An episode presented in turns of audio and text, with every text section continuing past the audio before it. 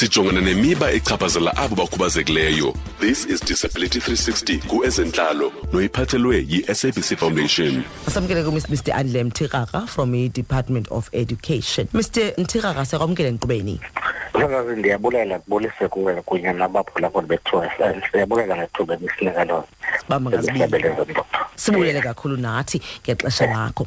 Kokuqala nje um mr mthikaka ingaba kutheni kubalulekile nje uba nilisebe niqonda uba niyafuna ufundisa kwaye nixhobise uluntu um ngamalungelo abantu abantwana abakhubazekileyo.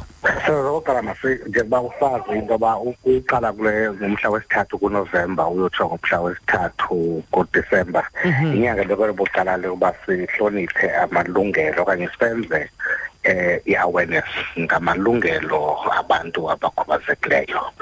Eh nathi ke silisebe setha sagqiba into yobana indlela yoba sihloniphele amalungelo okanye sazise abantu ngamalungelo abantu abakhubazekileyo masisebenzisane kunye nabantu abasebenza ngabantu abakhubazekileyo uthetha ukuthi ke imibutho le yabo. Sacela ke umbutho okuthiwa yi-eastern cape uh, disability economic empowerment trust eyiyona iququzela apha ephondweni imibutho le ijongene nabantu abakhubazekileyo uba masisebenzisane kunye senze iprogram enza ii-workshops kubo bonke abasebenzi bethu besebe nemibutho eorganizayo apha kuthi kunye nootishala abaphaa eziklasini abatisha i-LO nee-SBBs ke ukwenzela into yobana eh abantu bayazi into yobana athini amalungelo abantu abakhubazekileyo ndingatsho ke ngokufutshane ke msebenzi into yobana xa siyiqala le nkqubo yethu yezi workshops siqale phaa kona mpengile yase-OR Tambo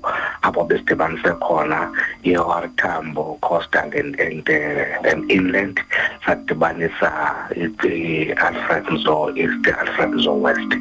Saphuma kwi-twenty saphuma ke sawutsho echrisbani nasejoe gqabi saphuma sazawungena apha amathole ebuffalo city sayotsho ebhayi apho besidibanise khona isala batman kunye nenelson mandela. Izolo ke besenza i-head office ngokufutshane ke msasazi eyona nto sijonge kuyo kakhulu kukho i-white paper apha ethi white paper on rights of people with disabilities of persons with disabilities la white paper ke ngumqulu omkhulu ekuye kungabukhulula abantu babawufunde bawulandele sacela ke into yoba le mibutho iququzelela okanye ijongene nemfuno namalungelo abantu abakhubazekileyo mabasincedise batolikele abantu bithetha ukuthini ibindawo yokuqala ke le besijonge kuyo xa besenza kwesokushop okwesibini besijonge into yobana ingaba kutheni le nto osaqhuba kukho eh two separate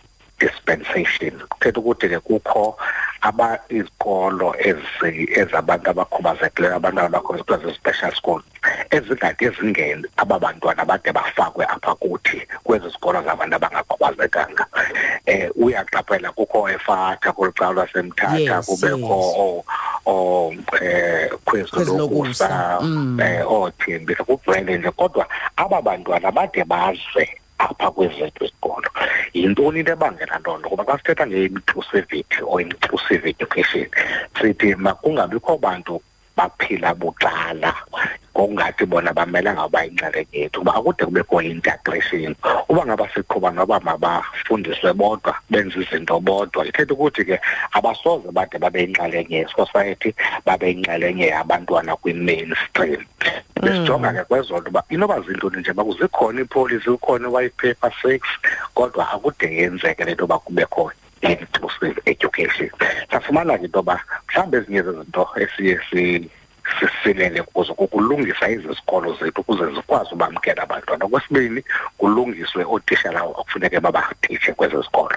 Ukwenzela uba singathi kwii-communities zethu isisana abantwana apha ezimele okanye apha kwesi sikolo noba sesiphi isikolo esinosigcinga sibe singenabo ootishala abakulungeleyo bafundisa okwesibini singenazo izinto zokubancedisa xa sithe sabafaka khona. Ibiyindawo yesibini besijonge kwelo eyesithathu singabasebenzi apha eh kwisebe lezemfundo. Abokunothi kanti abanye babo banazo izinto zokukhubazeka ezithile kubo kodwa bangazithethi ukhuthazwa ngabantu uba kuthetheni kaloku izinto eninazo ukwenzela uba nizokwazi ulungiselelwa i-department umzekelo nakumuntu apha eh akabona kahle uba akuboni kakuhle.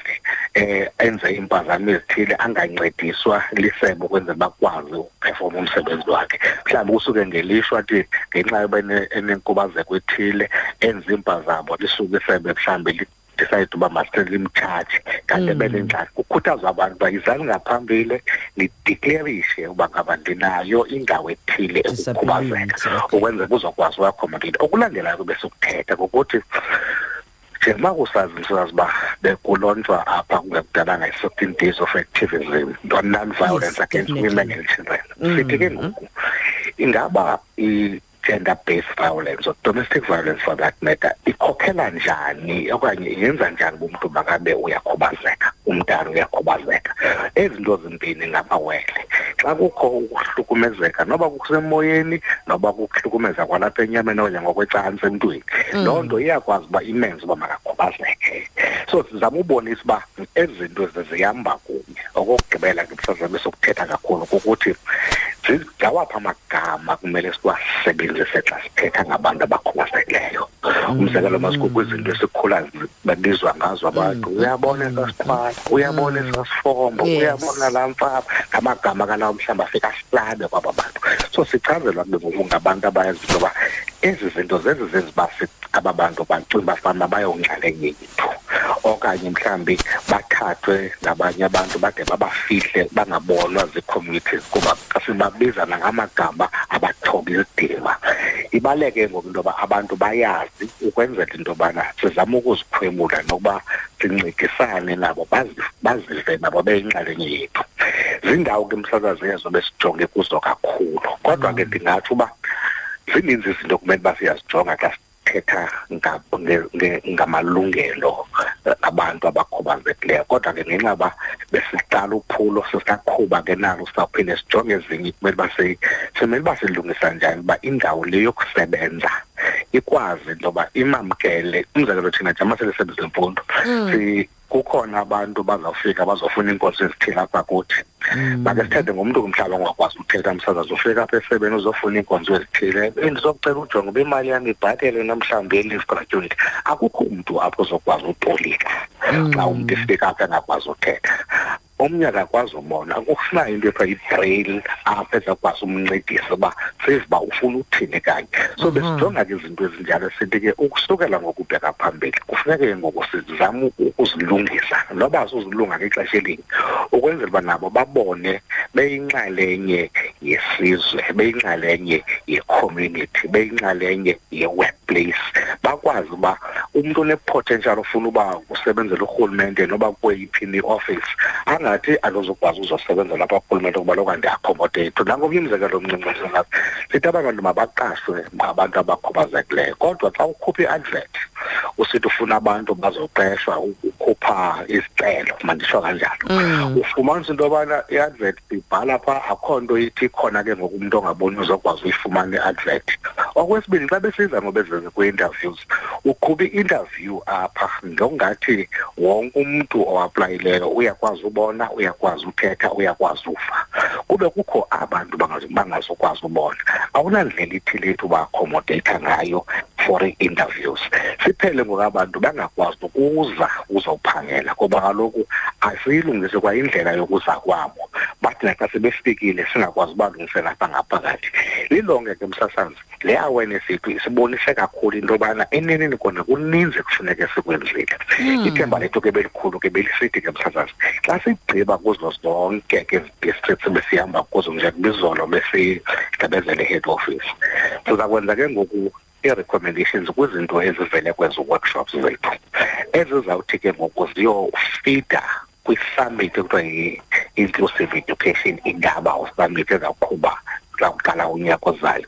Ukwenzela uba laa summit ikwazi uthatha izigqibo ezicacileyo uba sithini ngezi zinto zivele kwezi kwezi workshops besizenza ndingatsho ke ngokufutshane ngemsozo into yobana ngokokubona kwethu ezi workshops zibe yimpumelelo kakhulu kwaye abantu babonakase umdla ongumangaliso babonakala futhi into yobana kukhona okuninzi bebengakwazi kambe abanye belode benza ingxelo yezono. Ngoba ke ndicela ukhe ndichaze ngoba bendisoloko ndibabona kanje aba bantu. Um ngoku nditshintshile ngoku indlela endibabona ngayo. So isincedisile kakhulu ekutshintsheni into endinothi the attitude.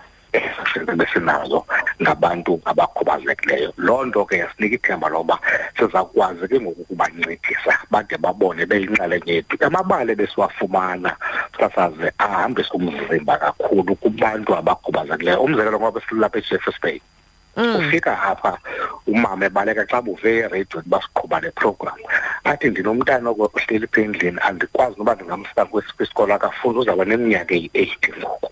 Mm. Akaqali isikolo zange aye nasekrishi and ndiyacela ke nindincedise loo nto ke ichazele mhlophe into yoba baninzi abantwana abangekho sesikolweni abanenkubazeko kodwa abamele uba bayafunda qha bayazi uba bamele kuthini nabazali abayazi bamele kuthini. Bacimba mhlawumbi bawuthi uze abe uyafunda makasuke kwi-special schools esiyokhwezi lokuso okanye mhlawumbi um kuzuza akayazi umzali uba usenoyo umzekelo nalapha um efairfield xa uyenze i-fairfield ndiyakulungela ukumamkela nootitshala bapha bakulungela ukumfundisa.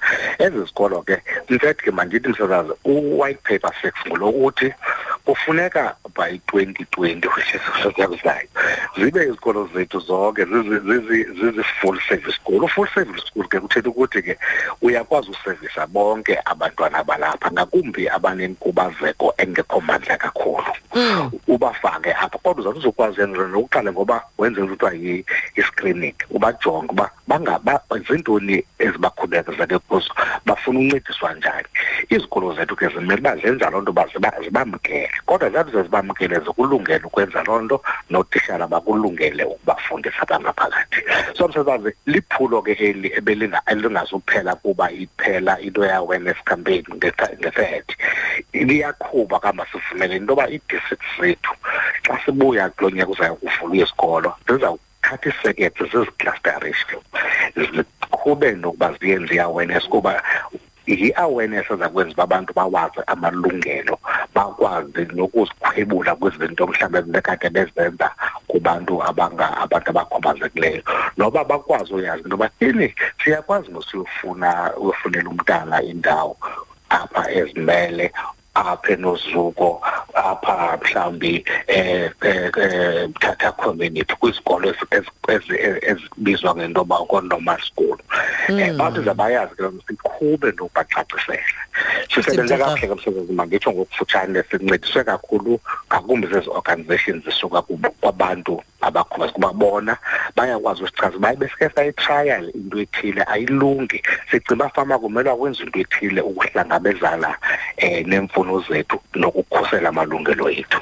Mr. Mtekaka ndingawuqhawulanga inoba ngumntu omde kwawena ngoba ngolu hlobo ubetha ngalo hayi wagqibile.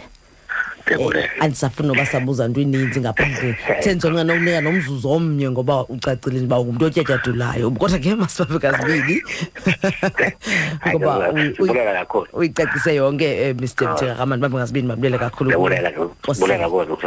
all right.